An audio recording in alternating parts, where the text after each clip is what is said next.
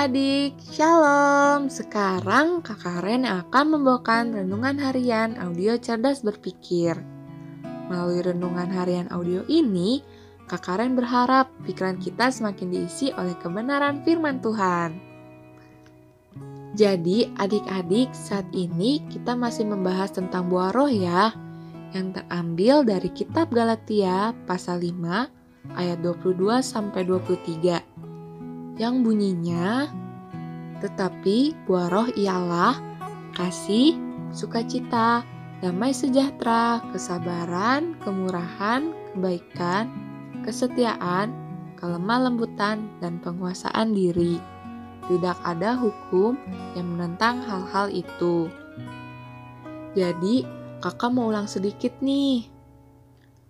Adik-adik, buah dalam ayat bacaan kita ini maksudnya adalah hasil dari menekuni, mengerjakan, atau mempelajari sesuatu. Jadi, yang dimaksud dengan buah roh itu adalah hasil dari tekun menuruti pimpinan Roh Kudus melalui firman Tuhan. Nah, hasilnya adalah kesembilan karakter dalam bacaan Alkitab kita tadi. Dan perlu kakak kasih tahu juga nih, kesembilannya itu tidak dapat terpisahkan loh.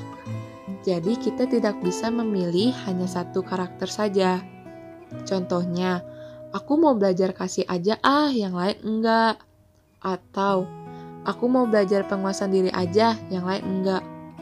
Nah, kesemuanya itu harus kita usahakan supaya menjadi karakter dalam diri kita. Nah, hari ini juga Kak Karen akan ngebahas soal karakter kedua, yaitu kesabaran atau sabar. Adik-adik, pada waktu surat Galatia ini ditulis, yaitu sekitar tahun 49 Masehi, jadi orang Kristen itu yang sabar susah banget. Nah, kenapa ya? Jadi masanya itu begini. Orang Kristen pada waktu itu mengalami kesengsaraan karena sudah dianggap sesat oleh orang-orang Yahudi. Mereka mengalami penganiayaan, Salah satu bentuk dari penganiayaan tersebut adalah dengan cara disiksa. Eh, bahkan ada juga yang terancam dilempari batu sampai mati segala loh. Bahkan, di tahun-tahun setelah surat Galatia ini ditulis, orang Kristen tetap mengalami kesengsaraan. Kaisar Nero pernah membakar kota Roma, lalu menuduh orang Kristen sebagai pelakunya Nah, akibatnya adalah orang Kristen diburu deh. Kalaupun ketangkap, ya akan berat hukuman yang diterimanya. Jadi, kesemuanya itu benar-benar sangat menguji kesabaran dari orang Kristen. Namun, di tengah-tengah situasi yang sulit tersebut, orang Kristen tetap sabar, tidak menuntut balas, tidak mendoakan supaya Tuhan yang membalas, ataupun tidak menaruh dendam Gimana ya? Soalnya Tuhan Yesus sendiri aja orangnya penyabar kok. Waktu dia disalib, dia tidak ada sedikit pun rasa kesal atau menuntut balas. Tuhan Yesus pernah mengajarkan begini dalam kitab Lukas pasal 6 ayat yang ke-28 yang bunyinya Mintalah berkat bagi orang yang mengutuk kamu, berdoalah bagi orang yang mencaci kamu. Nah, keren kan? Lalu, bagaimana dengan kita hari ini?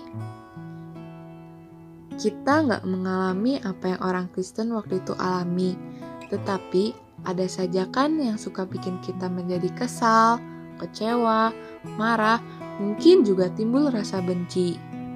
Ketika kita dibully, diomongin yang jelek sama teman, dipandang sebelah mata, Bahkan ada juga yang diejek karena kita adalah orang Kristen. Tetapi melalui renungan kita pada hari ini, kita belajar untuk tetap sabar. Emang sih tidak mudah ya mencoba belajar sabar pada saat mengalami hal yang ngeselin banget. Tetapi di situlah keseruannya. Adik-adik, sebenarnya ada kebanggaan tersendiri di balik kesabaran, yaitu di kitab Amsal pasal 16 ayat 32.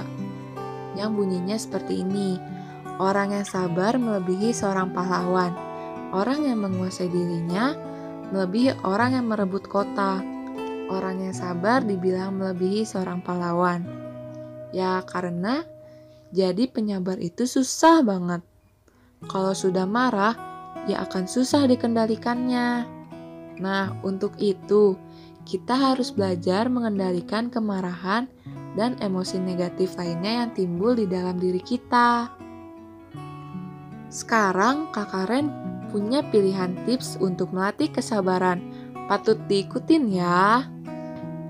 Yang pertama, pada saat kita mau melampiaskan kemarahan, tarik napas terlebih dahulu dan membuangnya secara perlahan. Lakukan sebanyak 10 kali. Untuk beberapa orang sih bisa mengendalikan kemarahan menggunakan cara tersebut. Nah, Cara tersebut perlu kita lakukan sebagai orang Kristen. Caranya adalah dengan belajar untuk memaklumi orang yang membuat kita merasa kesal. Karena siapa tahu dia tidak sengaja ataupun dia juga tidak tahu dampak buruk dari apa yang sudah dia lakukan atau dia tidak tahu bahwa dia sudah salah. Jadi, sabar saja ya. Lagian, kalaupun kita benar, Tuhan pasti akan melihat kita kok, dan pasti juga akan ada pembelaan yang berasal dari Tuhan. So, ayo adik-adik kita belajar untuk sabar. Nah, yuk kita berdoa. Tuhan Yesus, terima kasih untuk kasih setiamu dan pernyataanmu sepanjang kehidupan kami. Tuhan, Berikanlah kami hati dan pikiran yang selalu siap untuk menerima setiap firman-Mu sebagai pedoman kami dalam menjalani kehidupan kami saat ini. Tuhan, pimpinlah kami agar kami senantiasa tinggal di dalam-Mu dan dapat hidup sesuai dengan firman Tuhan. Ya Tuhan, pada hari ini kami sudah belajar untuk mempunyai hati yang sabar. Ajarilah kami untuk selalu memiliki hati yang sabar, agar setiap buah roh yang muncul dari kehidupan kami dapat menjadi berkat untuk banyak orang di sekitar kami, sehingga orang lain yang di sekitar kami pun dapat merasakan betapa nikmatnya kasih, sukacita, dan damai sejahtera yang berasal dari Allah. Terima kasih ya Tuhan, dalam namamu kami sudah berdoa dan mengucap syukur. Haleluya. Amin. Oke adik-adik, tetap sehat, tetap semangat, dan tetap menjadi berkat. Tuhan Yesus memberkati. Dadah!